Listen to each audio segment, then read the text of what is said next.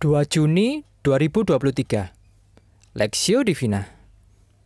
Yeskiel pasal 42 ayat 1 sampai 14 Lalu diiringnya aku ke pelataran luar bagian utara dan dibawanya aku ke bilik-bilik sebelah utara yang berhadapan dengan lapangan tertutup dan berhadapan dengan bangunan yang di ujung barat. Panjang bangunan bilik-bilik itu di sebelah utara ialah 100 hasta dan lebarnya 50 hasta. Berhadapan dengan yang 20 hasta dari pelataran dalam dan berhadapan dengan lantai batu yang terdapat di pelataran luar ada serambi yang berhadap-hadap yang berhadap-hadapan dan yang bertingkat tiga. Di depan bilik-bilik itu ada gang menuju ke dalam yang lebarnya 10 hasta dan panjangnya 100 hasta, dan pintu-pintu masuknya adalah di sebelah utara. Bilik-bilik di tingkat atas adalah lebih kecil dari bilik-bilik di tingkat bawah, dan tingkat menengah dari bangunan itu oleh karena serambi-serambi itu memakan lebih banyak tempat dari bilik-bilik itu. Sebab bilik-bilik itu bertingkat tiga dan tidak mempunyai tiang-tiang seperti yang ada di pelataran luar. Itulah sebabnya bilik-bilik atas lebih kecil dari bilik-bilik bawah atau tengah. Di luar ada tembok yang sejajar dengan barisan bilik-bilik berdekatan dengan pelataran luar dan terdapat di hadapan bilik-bilik.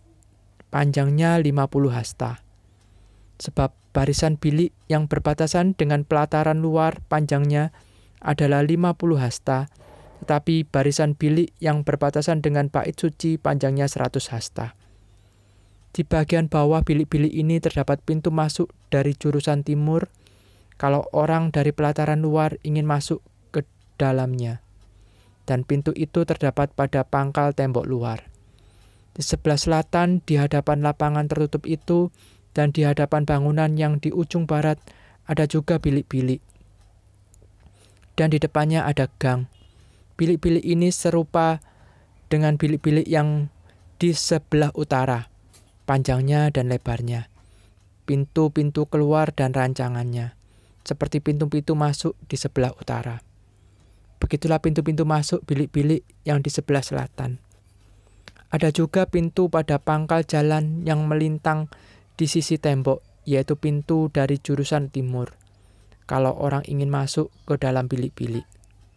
Lalu ia berkata kepadaku, Bilik-bilik yang di utara dan bilik-bilik yang di selatan menghadap ke lapangan tertutup itulah bilik-bilik kudus, di mana imam-imam yang mendekat kepada Tuhan memakan persembahan-persembahan maha kudus. Di sana mereka akan menaruh persembahan-persembahan maha kudus, korban sajian, korban penghapus dosa, dan korban penebus salah, sebab tempat itu kudus. Kalau para imam masuk ke dalam tempat kudus, mereka tidak akan keluar ke pelataran luar, sebab mereka menanggalkan pakaian mereka di sana yang dipakainya waktu menyelenggarakan kebaktian. Sebab pakaian-pakaian itu adalah kudus. Mereka harus memakai pakaian yang lain, barulah mereka boleh datang ke tempat umat Tuhan. Bangunan bagi imam perspektif. Pelataran luar sebelum mereka menanggalkan pakaian mereka di sana ya yang dipakainya waktu menyelenggarakan kebaktian sebab pakaian-pakaian itu adalah kudus. Mereka harus memakai pakaian yang lain barulah mereka boleh datang ke tempat umat Tuhan. Yeskiel 42 ayat 14.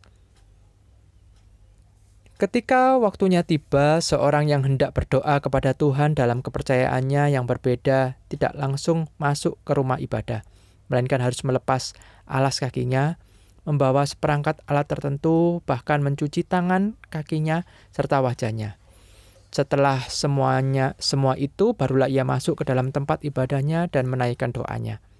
Orang lain yang penasaran bertanya kepada orang itu, "Mengapa ia harus melakukan semua itu sebelum berdoa?" Masuk ke rumah ibadah. Ia menjelaskan ia harus melakukan semua itu karena tanah tempat ibadah itu berdiri adalah kudus dan orang yang berdoa di tanah itu harus kudus sebelum doa dinaikkan. doa yang dinaikkan dengan kudus dan menjaga kekudusan itu akan diterima Tuhan. Imam yang menjadi perantara antara manusia dan Tuhan harus datang kepadanya dengan kekudusan. Allah yang tidak berdosa tidak bisa berelasi dengan dan menerima persembahan manusia berdosa. Manusia berdosa terlebih dahulu harus menguduskan dirinya yang diwakili oleh imam untuk boleh datang dan berelasi dengannya. Itulah sebabnya Tuhan memberikan penglihatan begitu rupa mengenai hub bangunan para imam ayat 1 sampai 12. Bangunan ini didesain begitu rupa untuk membedakan imam yang telah menguduskan diri dengan rakyat Israel yang belum menguduskan diri. Setelah menguduskan diri, mereka juga tidak dapat seenaknya keluar masuk bangunan tersebut. Mereka harus menanggalkan pakaiannya, berganti pakaian sebelum kembali untuk keluar bangunan. Ayat 14 ada sebuah perbedaan antara manusia yang berdosa dengan Tuhan yang sempurna dan kudus. Manusia yang mendekatinya harus menguduskan diri terlebih dahulu. Dalam Perjanjian Baru, Allah melalui Yesus Kristus telah menguduskan kita melalui karya penebusan di atas kayu salib. Itu sehingga kita dapat datang kepadanya kapan pun dan di mana pun. Namun bukan berarti kita dapat datang kepadanya dengan sembarangan atau serampangan, tetapi harus kita ingat betapa kotor diri kita dan meminta pengampunannya hari demi hari. Memintanya untuk senantiasa menyucikan hati kita hingga kita dapat datang kepadanya. Kekudusan kita hari ini bukan kekudusan yang nampak secara fisik, tetapi secara rohani yaitu datang kepadanya dengan hati yang hancur, mengisi dan berduka cita akan dosa-dosa kita, dan meminta pengampunannya studi pribadi, seperti apa bangunan bait Allah, seperti penglihatan Yeskiel, di mana tempat Maha Kudus, kudus dan pelatarannya. Pokok doa, berdoalah agar setiap anak Tuhan dapat sungguh-sungguh memperhatikan kekudusan hidup mereka.